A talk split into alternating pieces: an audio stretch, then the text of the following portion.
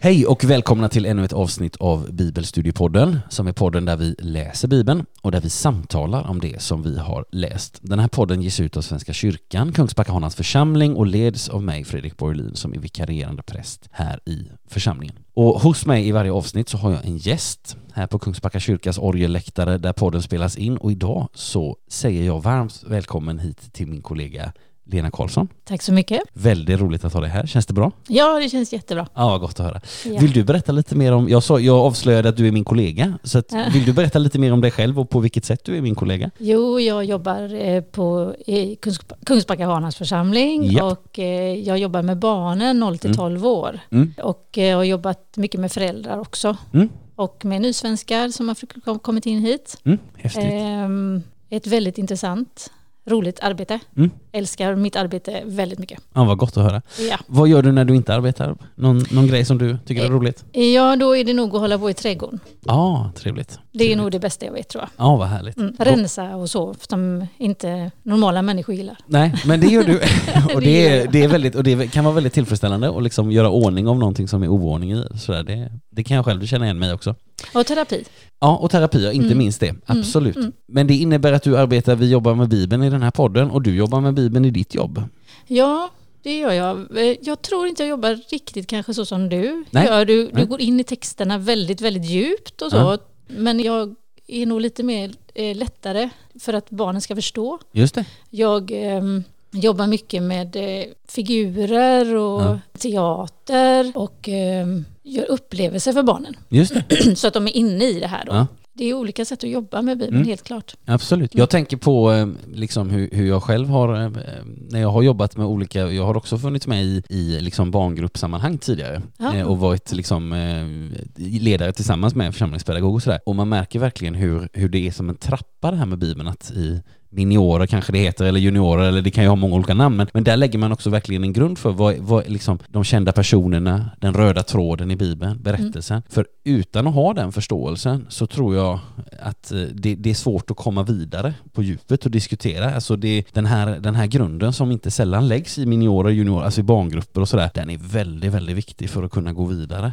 Så det, det, det är gott, det är vårt arbete med, på olika sätt med Bibeln tänker jag hänger ihop på det sättet. Ja absolut och just grunden tror jag vi lägger när vi lär dem vad det egentligen står i Bibeln. Ja. Och sen när de blir lite äldre så, så gör man liknelser och sånt så att då blir det mer, då vet de redan vad som finns i Bibeln, ja. vad står det där och sen kan man gå vidare och ja. jobba med den. Ja, ja det är häftigt så det, mm. det är gott. Har du något favoritbibelställe sådär för egen del som du gillar? Ja det har jag faktiskt. Eh, det är inte Johannes evangeliet. Nej. Men det är, eh, det är Jesaja 41.10. Ah, härligt. Vill du läsa den för oss? Absolut. Var inte rädd, jag är med dig. Ängslas inte. Jag är din Gud. Jag ger dig styrka och hjälper dig, stöder och räddar dig med min hand. Den har jag haft väldigt mm. länge faktiskt, mm. Eh, i många, många, många år. Mm. Och jag har behövt läsa den om och om igen och den mm. står också framför skrivbordet hemma. Ja, oh, Så jag kan titta på den hela tiden. Härligt. Jag vet mm. att vi har haft, jag, jag har, vi har haft någon tidigare gäst här som har nämnt samma, jag vill minnas att det var Henny Forsberg, vår presskollega, som nämnde den också, som sa det här och nu kommer du som har hört den här podden och tycker att jag upprepar mig, men jag, jag minns att hon sa att man kan liksom, ibland så är det en av de här raderna i, i de här, om vi tänker att texten är några rader, alltså ibland är det en rad man särskilt kan stanna upp i och ibland är det en annan och sådär, det tycker jag, ja det är häftigt. Mm. Men gott att höra att, att bibelord också förenar oss, man har gemensamma favoritbibelord på något sätt. Och det, ja, det är, väldigt, det är väldigt härligt med bibelord och det är väldigt skönt att ha det uppsatt lite överallt så att man kan liksom gå och titta och man mm. verkligen kommer ihåg eller man öppnar mm. en bok och så har man de här små orden. Ja. Det är, ja, det är, det är gott. Det är man ja, man, nu, är ju, nu är ju våren på gång här kan vi säga när vi spelar in detta och när mm. våren kommer igång så börjar folk att grilla. V vad vill jag säga med detta? Jo, innan man grillar någonting så brukar man marinera det. Och det är mm. gott att marinera sig själv i bibelord. Just det. det vill säga eh, omge sig med dem och omge sig med liksom, sådana goda saker. Väldigt roligt att ha dig här Lena, som sagt. Vi ska eh, alldeles strax nu gå in i dagens kapitel som är Johannes 15 och jag tänkte bara att vi ska be kort inför vår läsning så du som är med och lyssnar får också gärna knäppa dina händer, det tänker jag göra. Låt oss be. Och kära Herre så ber vi dig att du nu öppnar ditt ord för våra hjärtan så att vi kan förstå det och att du öppnar våra hjärtan för ditt ord. I Jesu namn. Amen. Ja, Då ska vi alltså bege oss in i texten och idag så ska vi som sagt läsa Johannes evangeliet kapitel 15. En sak som vi ska påminna oss om är att i förra avsnittet, Johannes 14, så inledde Jesus det långa tal som sträcker sig över sammanlagt fyra kapitel, alltså Johannes 14, 15, 16 och 17. Så idag när vi läser Johannes 15 så är det alltså del två av sammanlagt fyra av det här som brukar kallas för Jesu avskedstal. Och när vi nu börjar idag så kan vi bara dra oss till minnes vad vi slutade med förra gången. För allra sist i förra kapitlet, som vi konstaterade utspelade sig på kvällen på den dag som vi kallade skärtorsdagen och i den övre sal där Jesus instiftar nattvarden och tvättar sina lärjungars fötter. Allra sist fick vi höra att Jesus sa Kom, låt oss gå härifrån. Och så fortsätter vi talet i dagens kapitel och i ytterligare två kapitel. Så antingen så sitter de kvar där i salen, men troligare är ju att de följer Jesu befallning och helt enkelt ger sig iväg. Så vi får anta att det här kapitlet och de två kommande utspelar sig på vandringen till Getsemane trädgård eller i Getsemane trädgård där Jesus ska komma att förrådas och överlämnas till sina motståndare. Det är också ett sätt att se på det här, hela det här avskedstalet och framför allt dagens och de två kommande kapitlen. Det vill säga att Jesus vet vad som ska hända väldigt, väldigt snart så att det han säger nu, det allra sista han säger till sina lärjungar, det får vi tänka att det är nog det som är väldigt, väldigt viktigt. Det brukar man ju säga att har man en begränsad tid på sig att få berätta om någonting eller vad det nu kan vara eller förmana sina barn eller vad det nu kan vara så tänker jag då, då håller man sig till det som är viktigt. Mm, absolut. Och, och, jag tänker att Jesus han vet att det är inte lång stund kvar nu tills han ska överlämnas i sina liksom, motståndares händer så därför får vi tänka att ja, inte för att någonting är oviktigt av det Jesus säger men vi får nog, jag tänker att vi får, vi får nog ändå tänka att ja, han väljer sina ord väl här på något sätt. Men, men eh, som sagt, vi är inte där än. Vi är inte där att Jesus överlämnas till sina motståndare än, utan idag ska vi läsa kapitel 15. Så nu drar vi igång. Dagens kapitel i min bibel har tre avsnitt och de här tre avsnitten heter i min bibel och hur är det Lena, kommer du läsa Bibel 2000 också? Ja, det tror jag va? Ja, det ser så ut ja. Mm. Helt rätt. Eh, och de här tre avsnitten heter Liknelsen om vinstocken, Älska varandra och Världens hat. Så vi börjar med att lyssna till när Lena läser, det är hon som kommer läsa idag, vilket är gott. Nej, vi börjar med att lyssna till avsnittet som heter Liknelsen om vinstocken. Jag är den sanna vinstocken och min fader är vinodlaren. Varje gren i mig som inte bär frukt skär han bort och varje gren som bär frukt ansar han så att den bär mer frukt. Ni är redan ansade genom ordet som jag har förkunnat för er. Bli kvar i mig så blir jag kvar i er. Liksom grenen inte kan bära frukt av sig själv om den inte sitter kvar på vinstocken kan inte heller ni göra det om ni inte är kvar i mig. Jag är vinstocken, ni är grenarna. Om någon är kvar i mig och jag i honom bär han rik frukt. Utan mig kan ni ingenting göra. Den som inte är kvar i mig blir som grenarna som kastas bort och vissnar. Det samlas ihop och läggs på elden och bränns upp. Om ni blir kvar i mig och mina ord blir kvar i er, så be om vad ni vill och ni ska få det. Min fader förhärligas när ni bär rik frukt och blir mina lärjungar. Liksom Fadern har älskat mig så har jag älskat er. Bli kvar i min kärlek. Om ni håller mina bud blir ni kvar i min kärlek. Så som jag har hållit min faders bud är jag kvar i hans kärlek.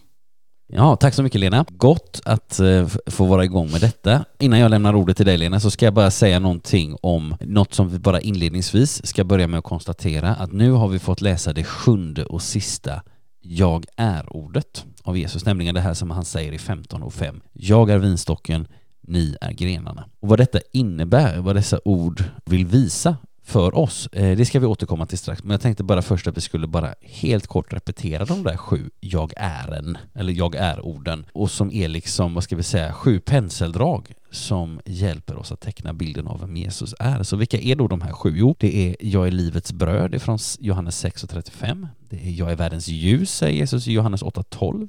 Jag är dörren eller grinden, säger Jesus i kapitel 10, vers 9. Och strax efter säger han jag är den gode herden kapitel 10, vers 11. Och sen säger Jesus, jag är uppståndelsen och livet. I Johannes 11, han säger, jag är vägen, sanningen och livet.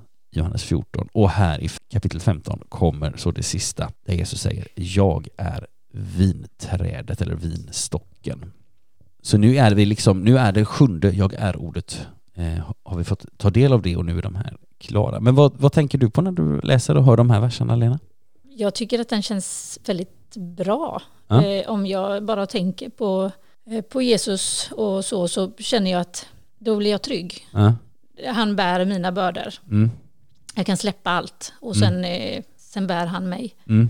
Eh, det är väldigt skönt ja. att man kan göra det.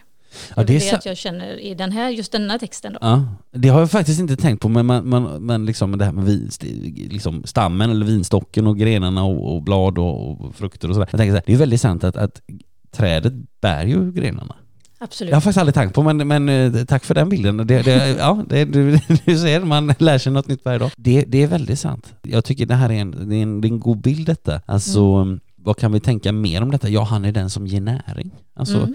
vi, får, vi får näring av, av, eh, av stammen som är Jesus. Näring till grönska men också näring till att bära frukt. För vi får också höra om att fadern är vinodlaren. Det är ju liksom en aspekt av den här av de här orden. Han är den som ansar så att den som bär frukt bär mer frukt, men han är också den som skär bort det som in, den som inte bär frukt eller det som inte bär frukt. Något som kan vara utmanande för oss att läsa. Vi kan se på oss själva det händer ibland när vi läser sådana här texter. Vi ser på oss själva, våra egna liv och så har vi den där liksom lite prövande frågan kanske riktad mot oss själva. Eh, men bär jag frukt då? Eller hur ska jag göra? Och då är det gott att tänka att bli kvar i texten. Bli kvar, för det är också det som Jesus säger här. Svaret på sådana frågor finner vi också i den här texten. Jesus uppmanar oss, bli kvar i mig, så blir jag kvar i er. Och lite senare säger han, om någon är kvar i mig och jag i honom bär han rik frukt. Och ännu lite senare, bli kvar i min kärlek. Alltså bli kvar, stanna kvar, vandra inte bort, utan bli kvar. Alltså det handlar inte så mycket om, ibland kan vi ställa frågan, vad ska jag göra?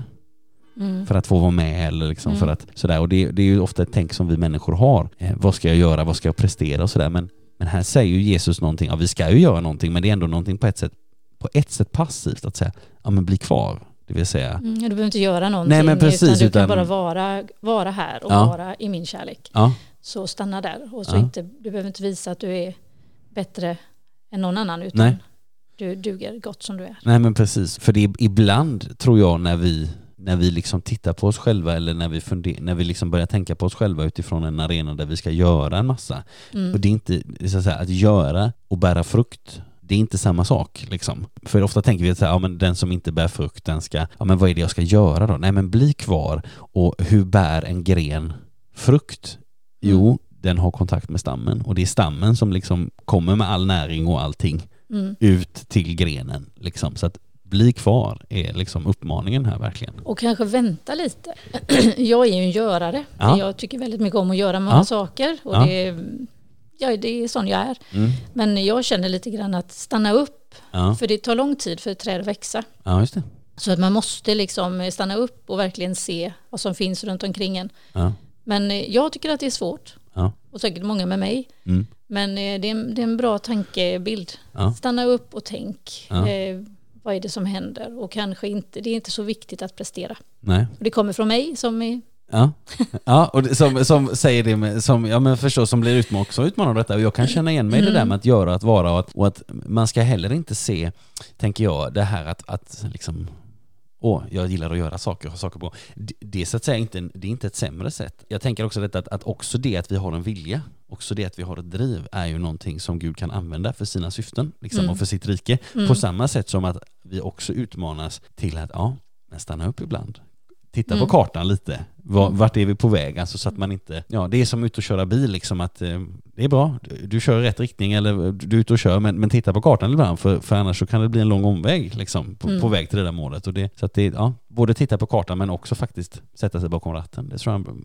Ja, man måste ju kan... göra någonting för man måste ju mm. plantera mm. det här trädet kanske ja. och man måste passa det och man måste ja. vattna det och man mm. måste, så man måste ju agera också. Mm. Ja, men, ja, ja men precis, alltså, och det, men det är just det här att men, men och när det kommer till själva fruktbärandet så bli kvar. Liksom. Ja, ja, det är häftigt. Vänta, ja det är häftigt. Gott. Eh, har du något mer som du tänker på kopplat till den här texten? Nej, Nej. jag tror inte det. Men då ska vi göra så, vi ska göra så att vi ska läsa vidare, för faktum är att det här med bli kvar i min kärlek och sådär, nu ska vi få en, ett lite kortare avsnitt som på ett sätt behandlar lite samma sak här. Så vi ska lyssna till när Lena läser det andra avsnittet, verserna 11 till 17, som i min översättning heter Älska varandra. Detta har jag sagt er, för att min glädje ska vara i er och er glädje blir fullkomlig. Mitt bud är detta, att ni ska älska varandra så som jag älskat er. Ingen har större kärlek än den som ger sitt liv för sina vänner. Ni är mina vänner, om ni gör vad jag befaller er. Jag kallar er inte längre tjänare, ty en tjänare vet inte vad hans herre gör. Jag kallar er vänner, därför att jag har låtit er veta allt vad jag har hört av min fader. Ni har inte utvalt mig, utan jag har utvalt er och bestämt er till att gå ut i världen och bära frukt. Frukt som består, och då ska Fadern ge er vad ni än ber honom om i mitt namn. Detta befaller jag er, att ni ska älska varandra. Tack så mycket. Och så får vi oss här ett avsnitt med på samma gång härliga och besvärliga ord. Mm. Tycker jag. För det här med att följa Jesu befallning att älska är just det. Det är ju väldigt härligt, det är underbart, det är grunden för någonting väldigt gott mellan människor i stort och i smått och sådär. Men det är också väldigt besvärligt eftersom det inte alltid är så lätt att följa de där orden. Eh, vi är ju ytterligt ofullkomliga, precis som alla de människor som Jesus befaller oss att älska är ytterligt ofullkomliga. Så det här är en utmaning. Men Jesus kan och han vill hjälpa oss. Vi kan till exempel tänka på de orden som vi hörde i förra avsnittet i vers 9. Liksom Fadern har älskat mig, här läste Lena för en stund sedan, så har jag älskat er. Bli kvar i min kärlek, det vill säga vi kan eller ska inte försöka liksom skapa kärlekskänslor i oss själva för totala främlingar som kanske är ganska osympatiska kan vi tycka. Vi ska inte försöka skapa sådana känslor i eller utifrån oss själva utan vi ska bli kvar i Jesu kärlek. Hos honom får vi både exemplet på vad kärlek är och så får vi ta emot kärlek så att vi kan ge den vidare. Vad, tänker vad fastnar du för i de här verserna, Lena? Jo, jag har fastnat för vissa grejer, men jag, nu när du sa någonting här nu, ja, att ja. Eh, man ska, eh, om det här med kärlek, jag tror att det är väldigt viktigt att försöka tycka om sig själv först. Ja. Acceptera sig själv innan man kan acceptera mm. eller tycka om någon annan. Och det är också ganska svårt. Ja, det kan det vara, absolut. Men jag tror att man ska kämpa lite med det först och så sen gå ut och mm. älska världen. Ja. ja, men absolut. Jag, tror, men jag förstår vad du menar. Alltså, det vet vi kan vara en kamp för många människor. Ja. Alltså, man, man ser på sig själv och så ser man mer vad man har misslyckats med eller vad att man tycker sig se vissa saker men man, men, men, man har väldigt svårt att, alltså det kan ibland vara mycket lättare att se andra människor som älskade av Gud och då, då kanske man också tittar på, ja, men den har ju en sån fin egenskap eller det mm. så. Fast det är inte det det handlar om, det är inte därför Gud älskar de människorna. För att den är bra på att sjunga eller den är, är duktig på någonting eller den gillar och ja, vad det nu kan vara. Utan de är älskade no matter what och det gäller faktiskt också mig själv. Alltså mm. det, det svåraste människan att se i Guds kärleks, med liksom Guds kärleksblick, det är ibland den jag ser i min spegel. Liksom. Precis. Alltså det, och det ska man inte backa för. Och där, ska man, alltså där är Bibeln också tydlig, att liksom, vi är skapade till Guds avbild och vi skapade liksom vi är också skapade, idag lever vi i ett samhälle och kanske inte minst där vissa, i vissa åldersgrupper så finns det en väldigt, alla vill passa in och alla vill vara som den eller den. Så kan det ju vara, kanske inte minst när man är ung, ung men, men, men också annars liksom. Och, och då får man också tänka på, alltså Gud skapar inte som en maskin som spottar ut identiska kopior av eh, vad det nu kan vara, utan Gud skapar ju som en konstnär. Varje människa är unik mm. och är skapad, inte för att man blev som man blev, utan man blev som Gud ville. Men det är lätt, eh, det är lätt liksom att säga det. Du är unik, ja. du är bra, ja. du är fantastisk eh, precis som du är. Ja. Men samtidigt så är det svårt att, är jag det verkligen? Eller säger den här personen bara det? Eller tycker bara Gud det? Eller gör jag väldigt mycket fel? Eh, så det, det, är nog en väldigt, väldigt, väldigt jobbigt. Och hittar jag då en sak, kanske till träning. Ja. Hittar jag detta att jag verkligen kan träna och jag är duktig på det här, jag ja, är bäst på det här. Ja. Då tror jag att eh, då hittar man den biten. Det kan i alla fall Gud kanske älska mig för att jag är duktig på det här. Ja, just det. Men är det rätt eller fel? För då blir det kanske en sak man kanske ska mm. vidga sig och se att det behövs inte den här mm. extrema saken för en sak. Nej. Nej men precis, jag tänker att, att, att kunna se på sig själv och, och, och tänka jag är faktiskt, jag är faktiskt Guds ögonsten. Liksom. Ja. Men, men jag är inte den enda ögonstenen Gud har. Det vill säga, han har också många andra ögonstenar, det vill säga alla andra människor. Liksom. Men att kunna, också kunna liksom både stanna upp inför att ja, det här finns något unikt liksom. Mm. Eh, men att också se samma sak är det för den och för den och för den liksom. Mm. Sen tänker jag att, att när, när man liksom, sen har Gud också gett oss verktyg till att tackla sådana här känslor hos oss själva, att vi inte duger eller vi inte platsar. Och det tänker jag att det är, det är samtalet. Mm. Att, att, också, att också gå och prata med någon, att inte bära detta inom sig själv och fråga varför känner jag så här? Eller, det är också bönen, inte bara att be till Gud utan att också att kanske gå och att någon hjälper en att be. Att få mm. förbön till exempel, alltså att prata med varandra. Alltså, där har vi också sänts till varandra på något sätt. För att liksom, så att man, man ska heller inte, alltså man kan säga så här, Jesus bar hela världens synd på korset. Det är, mm. Vi ska inte bära ens hela vår egen tyngd, liksom, utan Gud sänder också människor i vår väg liksom, som ofta är, som vill hjälpa oss och som kan hjälpa oss. Liksom. Mm. Så att vi ska inte, alltså det kan, och det kan vara jätteutmanande, men att liksom försöka bryta känslor av, av till exempel skam eller åh jag platsar inte eller vad det kan vara. Men, men där, precis som en person kan vara bra på sport eller träning, så kan någon annan verkligen vara en duktig samtalare och hjälpa mig att se att ja men så här kan det vara eller ja just det, det här behöver jag tänka på eller sådär. Så att det Ja, och det är ju väldigt viktigt att vi har alla människor som kan olika saker. Ja. För vårt samhälle hade inte fungerat annars. Nej. Så den minsta lilla eh, sak man gör är ju positiv. Ja. Om man nu, det är en positiv sak då. Ja. Men eh, så att det är ju jätteviktigt mm. att man känner att man är viktig. Mm. Men det är svårt. Idag är det väldigt svårt. Mm. Eh, som tur var så har samtalet blivit mer populärt. Det var det ju inte kanske så mycket när jag var mindre och så. Nej. Då gick man kanske inte och pratade med någon så jätteofta. Nej. Och det är, väldigt, det är väldigt bra att det finns idag en större förståelse för och, och en, också en större, vad ska vi säga, ett större förtroende för att ja, men det är faktiskt jättebra. Alltså, det, ja. att, alltså man ska inte bara, det här man har stött på, alltså man kan höra att nej men vi pratade aldrig om det som var svårt hemma och sådär och att det, mm. det, det, fanns också en kultur att man skulle bita ihop och liksom och mm. sådär. Alltså det här att, att vi har en större, ett större förtroende för att, att kunna samtala med människor mm. och, att, och, att, också öppna oss själva. Och också att världen ser annorlunda ut idag och det är kanske är ännu viktigare idag där, där vi liksom nås av så mycket information och det är så mycket som påverkar oss idag jämfört med för hundra år sedan. Liksom. Alltså att det, vi, vi använder, att vi använder de verktyg som också Gud ger. Mm, ja, det är jätteviktigt. Men det, det är som sagt var svårt ja. eh, ibland att eh, hitta rätt väg. Ja. Och hitta någon kanske som man verkligen litar på eller hitta mm. någon som man... Och då kan man ju faktiskt gå till kyrkan. Ja, absolut. Det kan man göra. Ja. Och sen så tycker jag, sen finns det några, om man tänker i den här texten, så tycker jag det finns några spännande saker som man kan ta, ta fasta på. En sak som är lite rolig, det är så här, ni är mina vänner om ni gör vad jag befaller er. Och vad roligt att du sa det, för det är precis den jag liksom kände, men hallå, Ja. Vadå befaller? Ja. Jag kan, ska jag gå och befalla mina vänner att ni ska ja. göra si eller så? Det kändes inte så bra. Nej, nej och så jag tänker, så brukar vi sällan göra. Och, och, skulle vi träffa på ett litet barn som leker i en sandlåda och som befaller alla sina vänner så skulle ja. vi nog, om vi i alla fall om vi kände det barnet så skulle vi säga du kan inte befalla dina kompisar, de, får liksom, de är också fria individer. Och då är frågan, vad, vad, liksom, vad ligger i de här verserna? eller den här versen och jag tänker att man behöver läsa den i ljuset av den kommande, det vill säga jag kallar er inte längre tjänare, ty en tjänare vet inte vad hans herre gör. Alltså, jag kallar er vänner därför att jag har låtit er veta allt vad jag har hört om min fader. Alltså att det är, det är återigen det här med att förbli kvar eller också kopplat till det här med att bära frukt tänker jag att vi kan tycka att just det där är lite märkligt att ni mina vänner om ni gör vad jag befaller. Men det här handlar också om att här har man fått ett stort förtroende. Mm. Alltså Jesus säger, jag kallar inte längre tjänare utan vänner för jag har låtit er veta allt vad jag har hört av min fader. Liksom att här, här får lärjungarna ett otroligt stort förtroende och det förtroendet kan man inte bara, man kan inte bara sitta med armarna i kors och tänka haha, jag vet, jag vet något som ingen annan vet, utan att, att liksom det som Jesus säger och som han också faktiskt befaller, för han säger ju inte, det är ju inte veckans tips att älska, utan det är faktiskt en befallning. Att det som Jesus säger, när vi hör det så får det konsekvenser. Alltså vi ställs inför att mm. jag, behöver, jag behöver handla i enlighet med detta liksom. Sen vet, sen vet Jesus att vi kan ha svårt för det och där vill han hjälpa oss liksom. Och det kommer vi komma vidare till om en liten stund. Men visst är det, visst är det utmanande ord.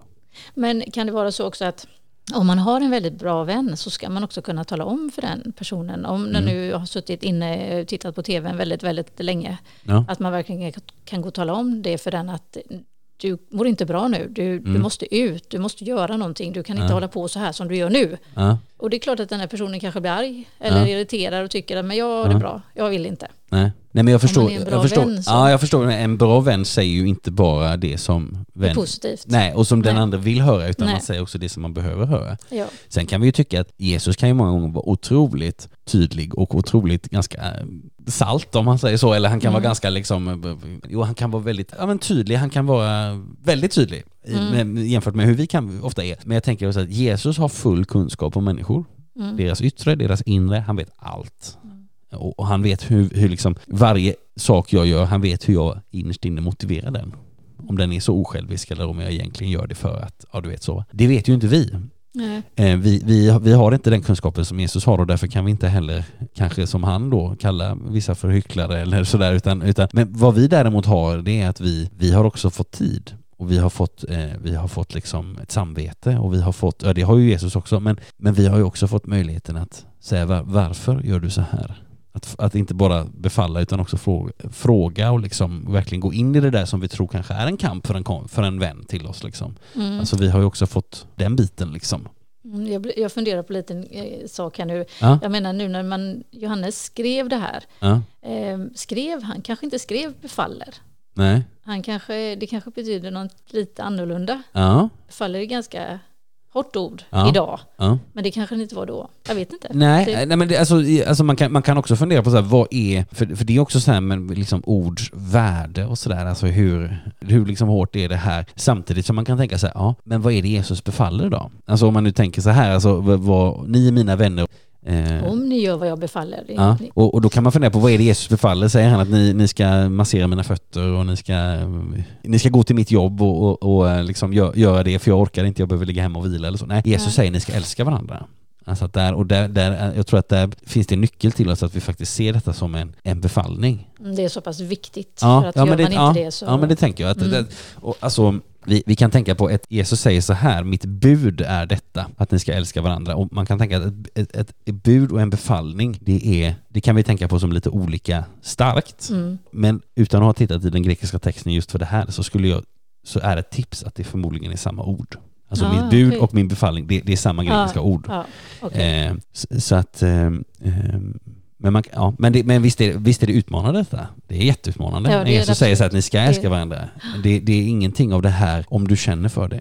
Nej, Eller så, ni ska utan, göra det. Nej, och, precis, och då kan man tänka så här, betyder det att jag måste tycka om människor? Att jag måste liksom, och jag har svårt för den här personen och jag liksom, ska jag försöka frammana liksom känslor i människor? Nej, det handlar inte om, Nej. utan det handlar om äl älska. Respekt. Ja, det handlar om respekt och det handlar om att jag får be Gud om hjälp. Att mm. se, oj den här personen som jag kanske har gett, som kanske är den personen i hela världen som jag har allra svårast för, det är också Guds ögonsten. Det kan ju vara provocerande. Mm. Den personen kanske har gjort jätteelaka saker mot mig, men ändå så, så, så lägger Jesus det här, den här befallningen in i det sammanhanget. Liksom. Förlåtande och respekt. Ja, ja men verkligen. Men det är kanske därför han gör det, liksom, att han befaller verkligen för att han vet att vi har svårt för det. Ja. Ja men precis, och jag tänker de här orden som Jesus säger, mitt bud är detta, att ni ska älska varandra så som jag har älskat er. Alltså om man tycker att de här orden låter bekanta så beror det på att vi har faktiskt läst något mycket snarlikt för inte så länge sedan. Alltså i Johannes kapitel 13, vers 34 så säger Jesus ett nytt bud ger jag er, att ni ska älska varandra så som jag har älskat er ska ni också älska varandra. Så båda de här orden, alltså 15 kapitel 15, vers 12 som vi är nu och 13, vers 34 påminner om detta med att älska, det underlättas om vi blir kvar i som vi fick höra i förra avsnittet, blir kvar i, upptäcker allt mer av den kärlek som Gud har till oss. Ja, det hade ju, livet hade ju varit mycket enklare ja. om man hade älskat varandra och ja. upps, uppskattat, respekterat varandra mm. eh, överallt. Ja. Så det är klart, då, livet hade ju blivit lättare. Mm. Men frågan är om det går. För om vi hade så haft så hela, hela överallt, att vi bara älskade varandra, hade mm. vi kunnat fortsätta så då? Ja, det är Eller hade man blivit bortskämd då och tyckt ja. att äh, nu måste, vi, måste det hända något annat? Så ja. För vi är ju sådana människor, ja. vi ska utvecklas hela tiden, det ska hända någonting hela tiden. Ja. Och jag tänker att där inne, ja precis, hur, hur klarar vi detta? Går det? Och då tänker jag så här, ett annat ord som vi har hört Jesus säga idag skulle kunna vara nyckeln där. Utan mig kan ingenting göra läste vi förra oss. Ja, det vill säga, det, det, vi ska inte försöka leta i oss själva efter eh, känslor för andra människor, utan vi ska liksom bli kvar i Jesu kärlek. Ja, det är nyckeln. Liksom. Gott. Har du något annat du tänker på kopplat till det här avsnittet Lena? Nej, jag Nej. tror att det, det, var det som jag ja. tänkte mest på. Gott. Nej, men vi har, och vi har ett avsnitt kvar idag som vi ska läsa nu. Så att vi lyssnar till när Lena läser avsnittet som i alla fall i min bibel heter Världens hat. Om världen hatar er, kom då ihåg att den har hatat mig före er. Om ni tillhörde världen skulle världen älska er som sina egna. Men nu tillhör ni inte världen, utan jag har kallat er ut ur världen och därför hatar världen er. Kom ihåg vad jag har sagt er. Tjänarna är inte för mer än sin herre. Har de förföljt mig kommer de också förfölja er. Har de bevarat mitt ord kommer de också att bevara ert. Men allt detta ska de göra med er för mitt namns skull därför att de inte känner honom som har sänt mig. Om jag inte hade kommit och talat till dem skulle de vara utan synd. Nu har de ingen ursäkt för sin synd. Den som hatar mig hatar också min fader. Och hade jag inte gjort sådana gärningar bland dem som ingen annan gjort skulle det vara utan synd. Nu har de sett dem och de hatar både mig och min fader. Men ordet som står skrivet i deras lag kommer uppfyllas. De har hatat mig utan grund. När hjälparen kommer som jag ska sända er från Fadern, sanningens ande som utgår från Fadern, då ska han vittna om mig. Också ni ska vittna, ty ni har varit med mig från början. Tack så mycket. Starka ord. Ja, verkligen starka ord som du säger Lena. Intressant tycker jag det här, alltså mot slutet av sitt liv så talar Jesus om några saker med sina lärjungar. Alltså han talar om principer för att vara lärjunge och om principer för ledarskap i Guds rikes sammanhang och det, det är lite av det vi har fått tidigare idag.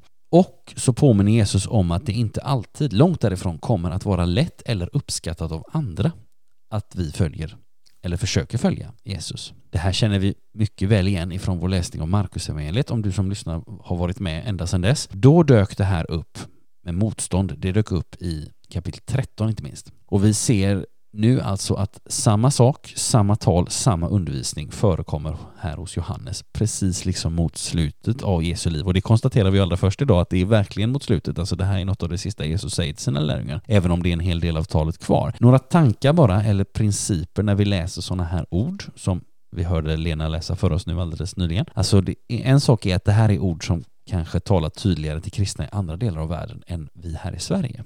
Men samtidigt så är de här orden och gäller de här orden alla kristna. Det är ord som varnar och som uppmanar till solidaritet med våra förföljda trossyskon eller våra mer förföljda trossyskon. Det är en sak. En annan sak är att om något svårt är på väg att hända så är det, tror jag, oftast bättre att vara förvarnad. Vi kan säkert komma på scenarion där, nej, jag hade inte velat bli förvarnad om det eller sådär. Men det, ibland är det också gott att, ja men det, det är bra att, eh, det är gott med en förvarning eller en, en beredskap liksom. En, sådär, va? Och det är det som vi blir här. Och det är därför som ord som dessa också kan vara ett tacksägelseämne. Att Jesus han skräms inte utan han varnar. Sen en annan sak som kan hjälpa oss att bringa lite struktur i till exempel det här avsnittet, det är att vi tänker på det utifrån motsatspar eller ordpar på olika sätt. Alltså det kan vara motsatsparet världen, inte världen, men det är också andra ord som förekommer liksom två gånger. Det kan vara liksom till exempel så här i vers 20, har de förföljt mig kommer de också att förfölja er. Har de bevarat mitt ord kommer de också att bevara ert. Alltså när Jesus sänder ut sina lärjungar så är det väldigt tydligt att de får uppgiften att göra sånt som Jesus själv gjorde. Predika och bota sjuka och Sådär, va? Eh, och här är det också lite samma sak, att också i det här att det kan finnas ett motstånd, det är också någonting som kopplar ihop en lärjunge med mästaren, det vill säga Jesus. Så att sådana där motsatspar eller ordpar kan hjälpa oss att bringa lite struktur och få lite reda i sådana här avsnitt. Och sen det sista jag ska säga bara om just sådana här texter, alltså världen som det pratas om här, som en ganska ogästvänlig plats. Det är en plats som inte alltid är så trevlig eller gästvänlig mot människor och än mer så när det kommer till kristna. Men det är fortfarande den värld som Gud älskar. Det är ju en sån här liksom väldigt välkänt ord från Johannes evangeliet. Så älskade Gud världen att han gav den sin enda son för att det som tror på honom inte ska gå under utan ha evigt liv. Alltså den här världen som vi ibland kan uppleva som väldigt, ja men ogästvänlig. Det är fortfarande den värld som Gud älskar så mycket att han sände sin enda son för att var och en som tror på honom inte ska gå under utan ha evigt liv. Så det kan också vara en, en påminnelse om att det här är ändå ett sammanhang där Gud, som Gud är mycket, mycket fäst vid och som han vill agera i. Genom oss bland annat. Vad tänker du på Lena när du läser de här verserna? Jag tycker att den är ganska jobbig den ja, eh, texten mm. faktiskt för att mm. jag vet ju att det är många i andra länder som har det väldigt, väldigt hårt och väldigt tufft. Ja. Som blir jagade, mördade, allt ja. möjligt för sin kristna, kristna syns skull. Ja. Så att den, den, den finns ju, precis det som står, det, det är det som händer idag. Som tur var inte här. Nej än så länge. Nej. Sen tycker jag det är väldigt hemskt, i mitt hjärta tycker jag det är väldigt hemskt mm. att han blev utsatt för det han blev utsatt för. Ja. När han faktiskt gjorde bra saker. Ja. Säkert så gjorde han ju kanske det på ett ganska Alltså han sårade kanske människor som, eh, som hade massa, vad ska man säga, som har massa eh, föreställning att den personen är dålig. Ja, det, ja. Men eh, han hjälper den personen som är dålig. Ja, Men det är, det är, ju precis det han har sagt innan. Vi ska älska alla. Vi ska förlåta, vi ska respektera. Eh, så därför gör han ju det. Så han gör ju precis det han säger. Eh, men de tycker ändå det är fel. Det system de har kan man säga, det vänder han upp och ner på. Ja, han gör ju det. Ja. Ja, men han gör ju det han säger. Ja.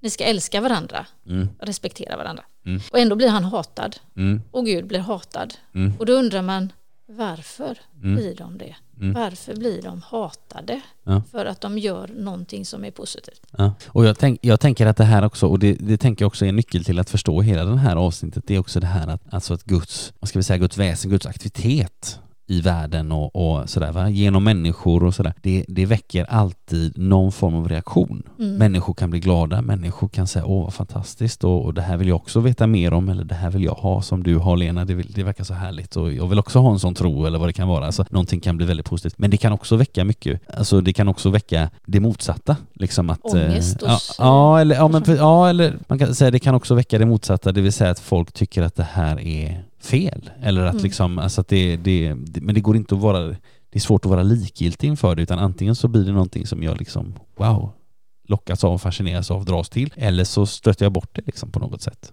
Mm. Jesus han tar ju upp detta också i de här verserna för han säger så här i vers 22 om jag inte hade kommit och talat till dem skulle de vara utan synd. Och det kan man tänka så här, Mm. mm, det, där är lite, det där är lite gåtfullt men vi kan bena ut det.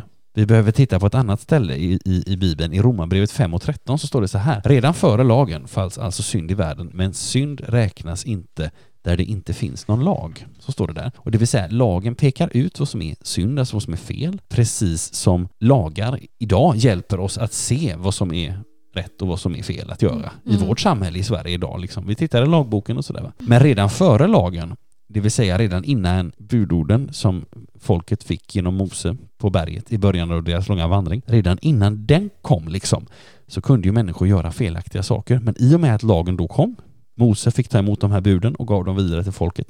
I och med att lagen kom och förtydligade vad som är rätt och vad som är fel så innebär det ett ökat ansvar för människor eftersom de då visste vad som förväntades av dem eftersom de hade fått de här tio budorden och sen kom det ju fler budord också. Och nu har ju också Jesus sagt och befallt saker, till exempel vi ska älska varandra. Vilket ju också innebär att de där orden pekar också ut saker som är felaktigt, som vi gör som är fel.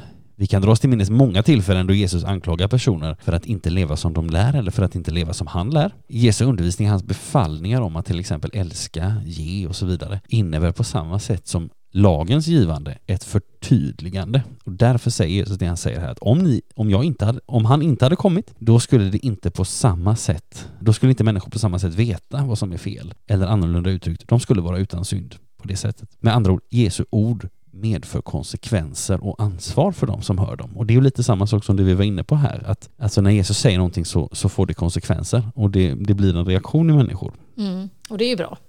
Ja, och det är bra att det Ja. inte bara blir något så, uh, utan, Mm. eh, utan att det är någonting som... Men att det, kan, det, det, det är svårt, att det kan bli sånt hat. Ja. Att människor kan hata så. Ja.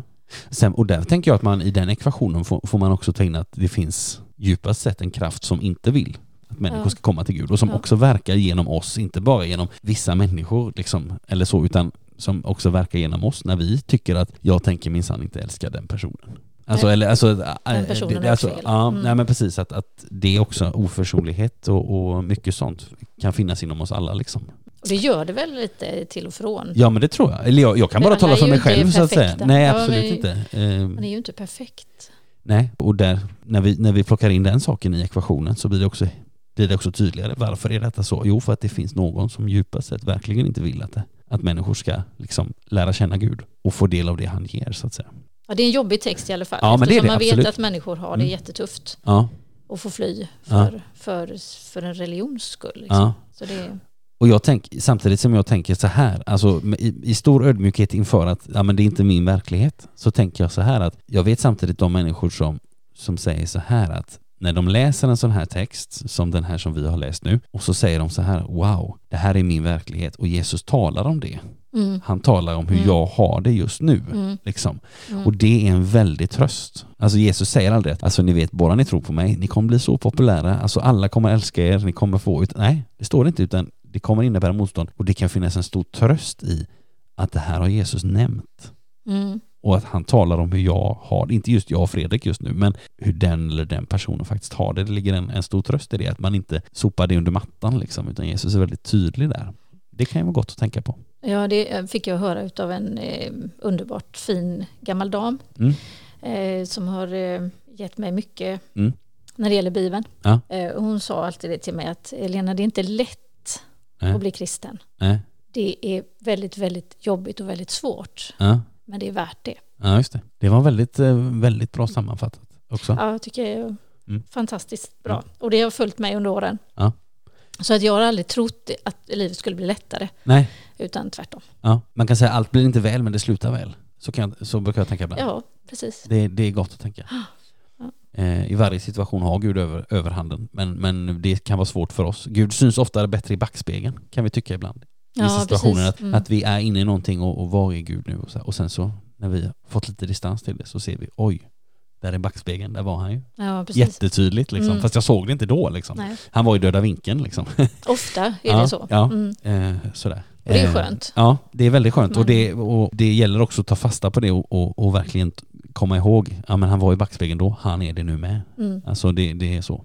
Jag tänker bara på en, en sista sak för att vi, vi pratade allra först idag, eller lite tidigare i alla fall, om det här att nu är det här liksom Jesus slut, alltså hans tal, hans avslutningstal, avskedstal, saker som han säger nu är väldigt viktiga och vi konstaterar det här med att Jesus har sagt mitt bud är att ni ska älska varandra och det har han redan sagt för två kapitel sedan och så. Sen finns det faktiskt en annan sak som vi bara ska nämna här som är, det är i versen 20 så säger Jesus så här, kom ihåg vad jag har sagt er, tjänaren är inte för mer än sin herre. Och när sa Jesus det här då? Jo, det sa han också i kapitel 13, vers 16. Sannerligen, jag säger er, en tjänare är inte för mer än sin herre och en budbärare är inte för mer än den som har sänt honom. Och det är också en sån här sak att det inte, alltså det stämmer till ödmjukhet. Mm. Att det är inte, det är inte jag som är den stora grejen, de goda nyheterna, utan det är Jesus som är det. Mm. Ibland upprepar vi oss och plockar fram våra favoritbibelord i, varje sammanhang. Och det kan jag göra igen nu, ett av mina favoritbibelord. Johannes döparen säger om Jesus i 3.30 här hos Johannes, så säger han så här, han ska bli större och jag mindre.